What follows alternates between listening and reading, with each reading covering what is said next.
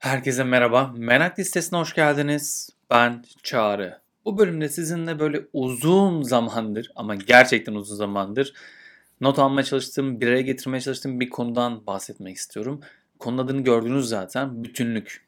Şimdi tabii bütünlük deyince ne anlıyorsunuz merak ediyorum. Yani çünkü aslında bu kavram İngilizce'de wholeness diye geçiyor. Türkçe'ye bütünlük olmuş. Tamamen karşılıyor ama bütünlük kavramını günlük hayatta kullanıyor muyuz? Yani hiç mesela bir sohbetiniz arasında birisi dururken ya ben bütünlük hissediyorum, bütünlük üzerine konuşalım gibi sen bir cümle kurdunuz mu? Bütünlük üzerine bir cümle kurun mesela şu anda. Bütünlük kelimesini yeni öğrendiğimiz bir kelime olduğu için hemen cümle içinde kullanın desem hangi cümleyi kuracaksınız? İlginç bir kavram değil mi? O yüzden de bu bölümü hazırlamak biraz uzun sürdü. Düşündüm, baktım, başka notlar aldım. Ta ki karşıma Nevrotik Bir Gezegenden Notlar kitabında tam böyle kitap biterken Metey'in bütünlük üzerine tekrar kurduğu birkaç cümleyi okumama kadar sürdü. Onu okuduktan sonra dedim ya tamam artık ben bunu hazırlamalıyım. Bu bölümü artık yayınlamalıyım. Onun üzerine oturdum tekrar notlarıma bakmaya başladım. Tekrardan başka podcastler falan dinledim. Bölümler dinledim. YouTube'a baktım. İnsanlar ne yazmış ona baktım derken ortaya bir şeyler çıktı. Bugün onlardan bahsedelim istiyorum. Ama tabii ki biraz önce şu soruyu sordum. Bütünlük ne? Biz neye bütünlük diyoruz? Bu kavramı tanımlamak lazım. Merak. Peşinden koşulacak şey. Peki merak ediyorum. Bu bilgiyle ne yapacaksın? Ama bu kavramı tanımlamadan önce acaba bütünlük olmayan nedir diye sorsam. Yani bütünlük olmadığı zaman ne oluyor diye sorsam. Aslında bu bizim için bütünlük yerine belki bütün hissetmek dediğimizde olabilir mi acaba? Yani bütün hissetmediğimizde ne oluyor? Eksik, yetersiz, uyumsuz, istenmeyen. Başka neler hissediyoruz? Terk edilmiş, bırakılmış, böyle yarıda bırakılmış. Yani sanki böyle tamamlanacak ama tamamlanmıyor. Yani sanki bazen bir dosya internette indirmek isteriz ya. Sanki döner döner iniyor iniyor iniyor der ama %99'da tıkalı kalır. Ve o yüzde birlik parçası eksik olduğu için o dosyayı açamayız, kullanamayız. Bunun gibi değil mi? Ya sanki bütün hissetmeyince, bütünlük olmayınca hayatta istediğimiz gibi yapamıyoruz. Sanki biz biz olamıyoruz, davranamıyoruz. İlginç değil mi bu? Hiç böyle düşündünüz mü? Yani bir şeyin yüklenme süresine gibi ya da bir parçası gibi herhangi bir şeyin. Onun parçanın içerisinden küçük bir yere aldığın zaman noksan gözüken bir şey var. Sanki böyle hmm, olmuyor ya. Yani olamıyor. Neden olamıyor? Niye böyle düşünüyoruz? Neden böyle? Yani aslında tam hissedemiyoruz. Peki meraklı insan, sen tam hissediyor musun? Yani bu buraya kadar dinlediğin konulara baktığında bütünlük var mı? Yani kendine baktığın zaman kendini bütün olarak tamamlanmış, eksiksiz, noksansız, kusursuz bulabiliyor musun? O 199'u %100'e tamamlamış ve evet ben böyleyim, ben bütünüm diyebiliyor musun böyle hani sırtını falan gerip rahat rahat, keyifle nefes alıp ah, ben bütünüm. Hayatla bir aradayım diyebiliyor musun? Diyebiliyor musun? Çoğu insan söyleyemiyor. Hatta insanların çoğuna baktığımız zaman kimse neredeyse bütün hissetmiyor. Bütünlük kavramı oldukça ilginç o yüzden. Şimdi bütünlük olmamak üzerine konuştuk. Bütüne dair bir şeyler sordum. Peki tanımı ne? Bütünlüğün tanımı ne diye baktığımda şöyle bir kavram çıkıyor. Bütünlük tüm sınırlamaları kabul ederken onları aşarak deneyimleme kapasitemizdir. Yani bizi gerçekten dünyadan ziyade hayali bir dünyaya kilitleyen bu mükemmelcik virüsünün üstesinden gelir. Sınırlamaları da aşabileceğimizi kabul etmektir. Şimdi bu ilginç oldu. Çok böyle sofistike bir tanım oldu. Kısa tanımlarsak ne? Tam bölünmemiş veya zarar görmemiş olma veya hissetme kalitesi aslında. Şimdi kendine düşün tekrardan. Kendine bir bak. En son ne zaman tamamlanmış hissettin? En son ne zaman bütünlük hissine sahip oldun? En son ne zaman her şeyi kabul ederek var olduğun haliyle gerçekten ben yeterliyim dedin? Ne zaman söyledin en son bunu? Bir düşünsene. Gözün hangi anlar canlanıyor? Ne zaman böyle hissediyorsun? Ben gözümü kapatıp ilk düşündüğümde hatta bölüm öncesinde biraz daha fazla farklı yerler mi anlatsam falan dedim ama ilk hatırladığım yer ilginç olacak ama 17 yaşındayken Machu Picchu'yu ziyaret ettiğim zaman ilk aklıma gelen. Çok yorgun argındım. inanılmaz. Çünkü 4 gün boyunca böyle Inca Trail yapmıştık. Inca yolundan yürümüştük. Ve her akşam gerçekten de dinlenip sabah erken kalkıyoruz ve güneşi selamlamak için, güneş tapınağının oradan güneşin doğuşunu izlemek için Machu Picchu'ya tepeye çıkalım dediler. Ve 6'da orada olacaktık. O yüzden 4.30'da uyandık. Ve gerçekten yürüyerek, trekking yaparak yukarı çıktık. Çok yorulmuştum. İnanılmaz uykusuzdum. Ve bir fotoğrafım var. Güneş tapınağının orada gerçekten yatmışım ve yani çok kötüyüm. Daha gün doğmamış. Böyle hafif acı karanlık var. Ardından güneş doğdu. Güneşi izledik hep beraber. Ve inanılmaz derecede içim huzurlu, rahatlamayla dolmaya başladı ve olduğum halimde inanılmaz güzel bir enerji hissettim. Yükseldiğini fark ettim her şeyin ve bir anda dinçleştim. Bir anda olduğum halimin yeterli, keyifli ve bu dünya ile senkron halde olabildiğini düşündüm ve o his bana çok güzel geldi. Ardından bunu neredeyse her gün batımını yakalarak yapmaya çalışıyorum. Çünkü günün bitişiyle beraber ne kadar zor olursa olsun aslında o kötü günün geçtiğini ya da çok keyifli bir gün olsa bile o günün geçtiğini ve bir gün sonra belirsizliğin içerisinde yeni heyecanların olduğunu düşünüyorum. Bu bana çok huzurlu geliyor. Özellikle kış ayında şu an havalarda kar olmadığı zaman iklim krizinin büyük etkisini yaşıyoruz ama bir taraftan da güneş ışınının kırılma açısı gün batımında o kadar güzel ki o pembelik, turunculuk, o morluk o kadar güzel gözüküyor ki oturup izlemek bana gerçekten bütünlük hissini veriyor. Şimdi bunu vermenin şeyi huşu buluyorum orada çünkü. Ve bunu bulurken de normalde bütünlük hissetmediğim, kendimi yetersiz gördüğüm, uyumsuz hissettiğim anlara baktığımda da kendimi çok fazla aslında başka şeylerle kıyasladığımı, hayatla senkron olmadığımı, uyumlu olmadığımı, istenmediğimi, yani çok fazla aslında eşdeğiş düşüncemin çok aktif olduğunu ve kendimi hiçbir zaman görülmeyen, duyulmayan, yeterli hissetmeyecek birisi olarak görmeye başladığımda bütünlük kavramından kaçıyorum. Yani onu kaybediyorum. Ve bir anda kendimi o %99'a takılı kalmış, internet bağlantısını düzeltirsen düzelt, yine de yüklenmeyecek bir dosya gibi hissediyorum. Oradayım, görülebiliyorum ama aslında hiçbir işe yaramıyorum. Bu çok kötü bir his değil mi? O yüzden baktığım zaman da bu kavram wholeness kavramı yani bütünlük kavramı tam burayı doğru getiriyor. Şimdi wholeness'a baktığında yani bütünlüğe baktığında benim İngilizce'deki become ve becoming kavramları çok hoşuma gidiyor. Çünkü become aslında olmak demek ya. Yani olmak, oldum. Become ama becoming olma hali. Yani aslında hiçbir sonu yok. Yani bu bir yolculuğa çıkma hali.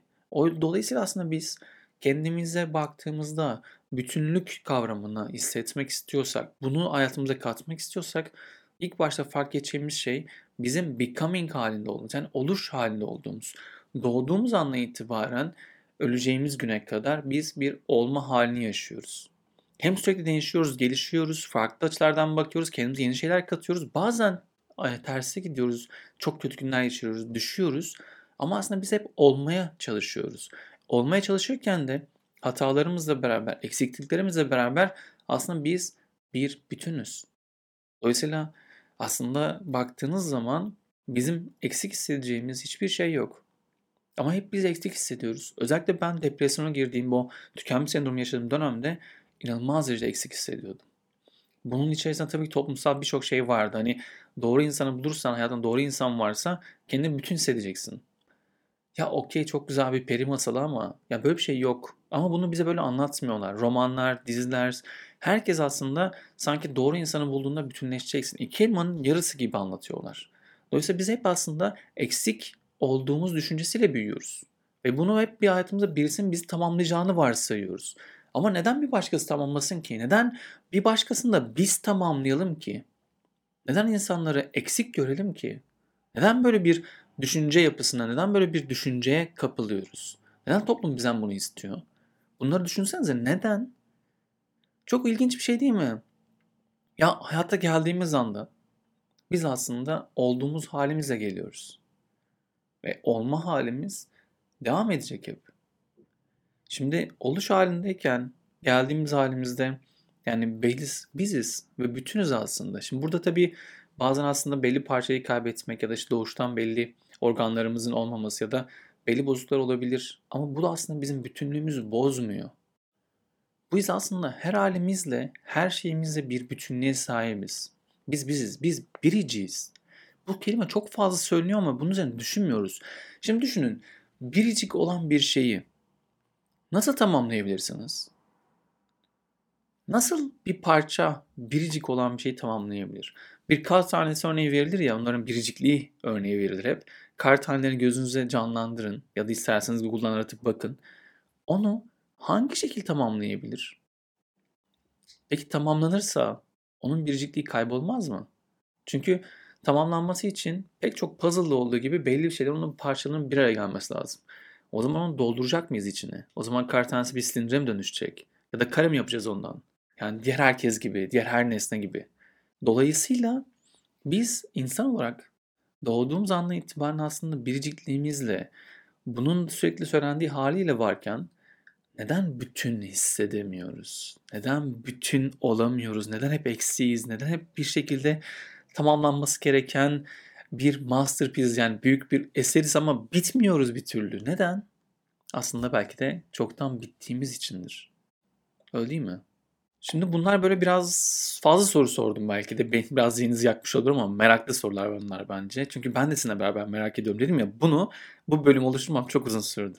Ama şimdi bölümü oluştururken dedim ki bunun karmaşının içerisinde bir de birkaç tane nokta vereyim ki kendimize bir self reflection yani kendimize bir yansıtma yapalım. Kendimizi bir değerlendirelim. Şimdi burada 3 tane nokta var. Bütün olduğumuzu aslında bütünlük konusunun en geniş çerçeveden her anımızda olduğunu fark etmemiz gerekiyor. Bunu zaten anlattık. Ama bunu yapabileceğimize dair de 3 tane parça ele alabiliriz. Bunlardan birincisi kendimizi nasıl görüyoruz? Şimdi kendimizi görme şeklimiz oldukça önemli. Biz kendimizi aynaya baktığımızda bir dev aynası mı kullanıyoruz? Yoksa gerçekten de bütün kusurlarımızı öne çıkartan, bütün eksikliklerimizi gösteren bir başka yanılsama aynası mı kullanıyoruz?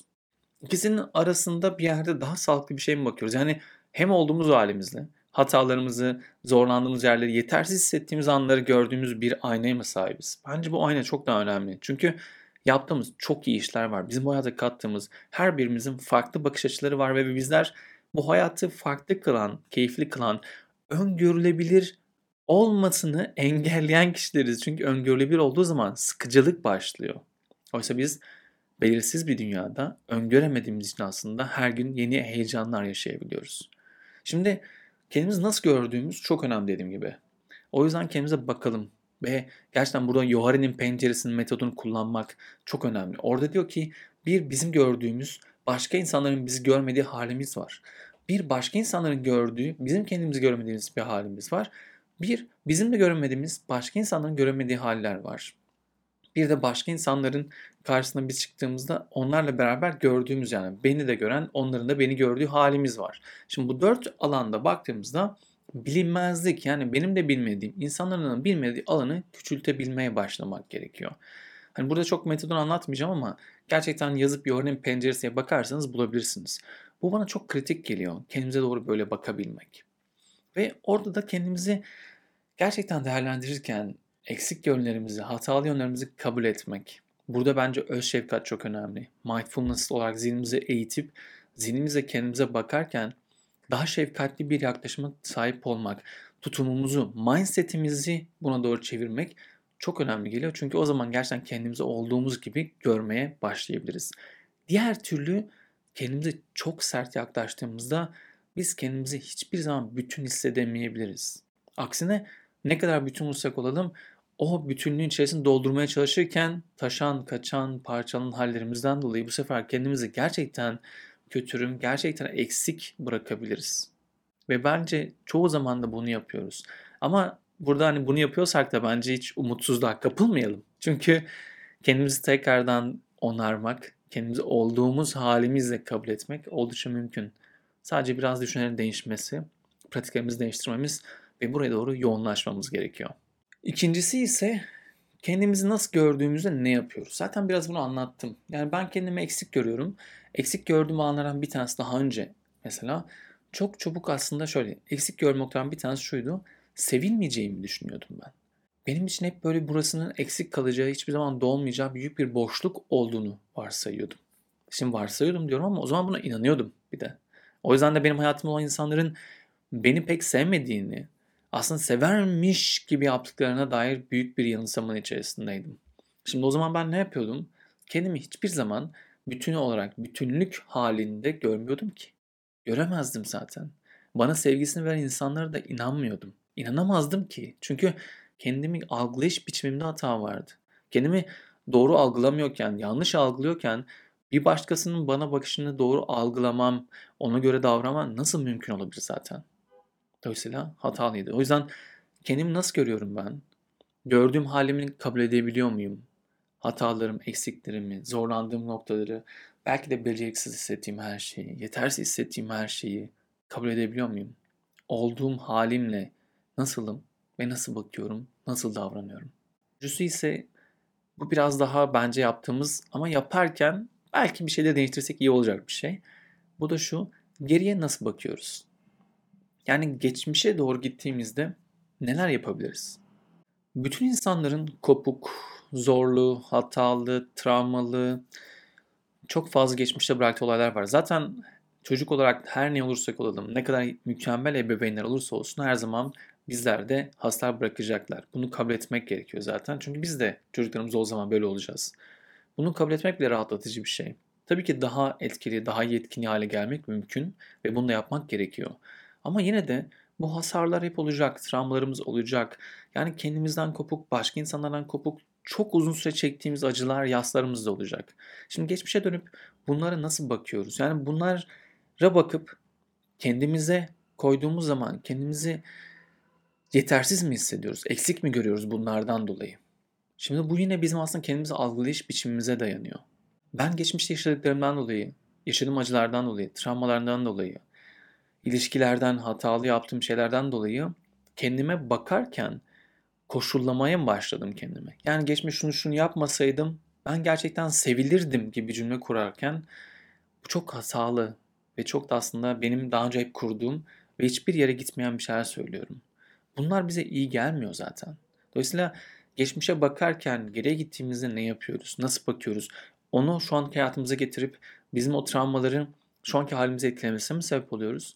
Yoksa onları da kendimizin aslında şu anki olma haline yani becoming halimize, oluş halimize katkı sunan, kendimizi keşfetmemiz için yaptığımız hatalardan çıkardığımız dersler varsa çıkardığımız hiç derste olmayabilir bazı şeylerden onları da olduğu gibi görüp geçmişte bırakabiliyor muyuz? Bu bizim aslında bütünlük halimizi çok etkiliyor. Ve şöyle bir söz var. Bütünlük hisseden bir insan hayatın tüm rahatsızlığı, acısı, zorluğu içerisinde bütün hissedebilir ve rahatlık bulabilir. İşte burada da aslında son zamanda çok fazla üzerine gitmeye başladım. Stoacılık, zen felsefesi çok etkiliyor beni. Çünkü gerçekten de hayatın içerisinde olursa olsun o mutsuzlukların içerisinde bile mutluluğu tercih etme şansımız var. Dolayısıyla biz bölümün içerisinde anlattığım şeylere baktığımda zaten bütün olarak doğup bütün olma halinde giderken oluş halimizde kendimizi algılama biçimlerimiz, dışarıda toplum bize anlattıklarıyla beraber kendimize yanlış aynadan bakıyoruz. Bu yanlış aynadan baktığımız için de kendimizi hiçbir zaman bütün olarak görmüyoruz. Bu bazen fiziksel olarak oluyor, bazen zihinsel olarak oluyor. Yani bedenimizi algılayış biçimimiz bile bize eksik hissettiriyor. Oysa eksik değiliz. Olduğumuz halimizdeyiz ve her halimiz güzel. Yani insanın kendisiyle barışması, kendimize şefkatli yaklaşması ve bütünlük haline geçtiğimiz anda bunun ne kadar fazla bizi canlandırdığını görmek bana çok önemli geliyor. O yüzden bu bölümü bu yüzden anlatmak istiyordum. Umarım anlatabildim. Yorumlarınızı bekliyorum. Ne düşündünüz?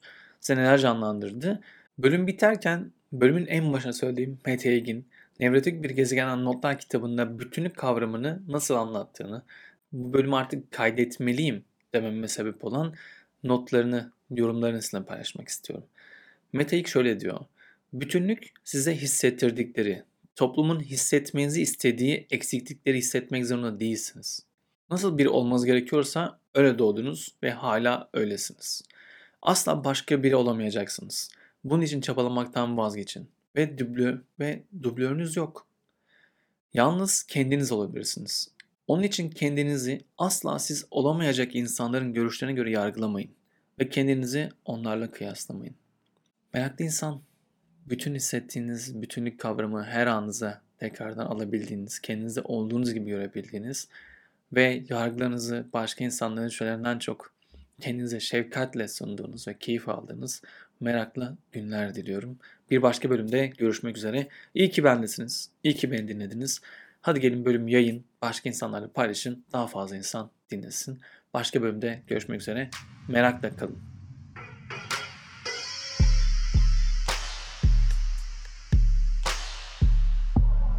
Merak ediyorum. Sen de merak ediyor musun? Neyi merak ediyorsun? Meraklı biri misin? Merakını nasıl gidereceksin?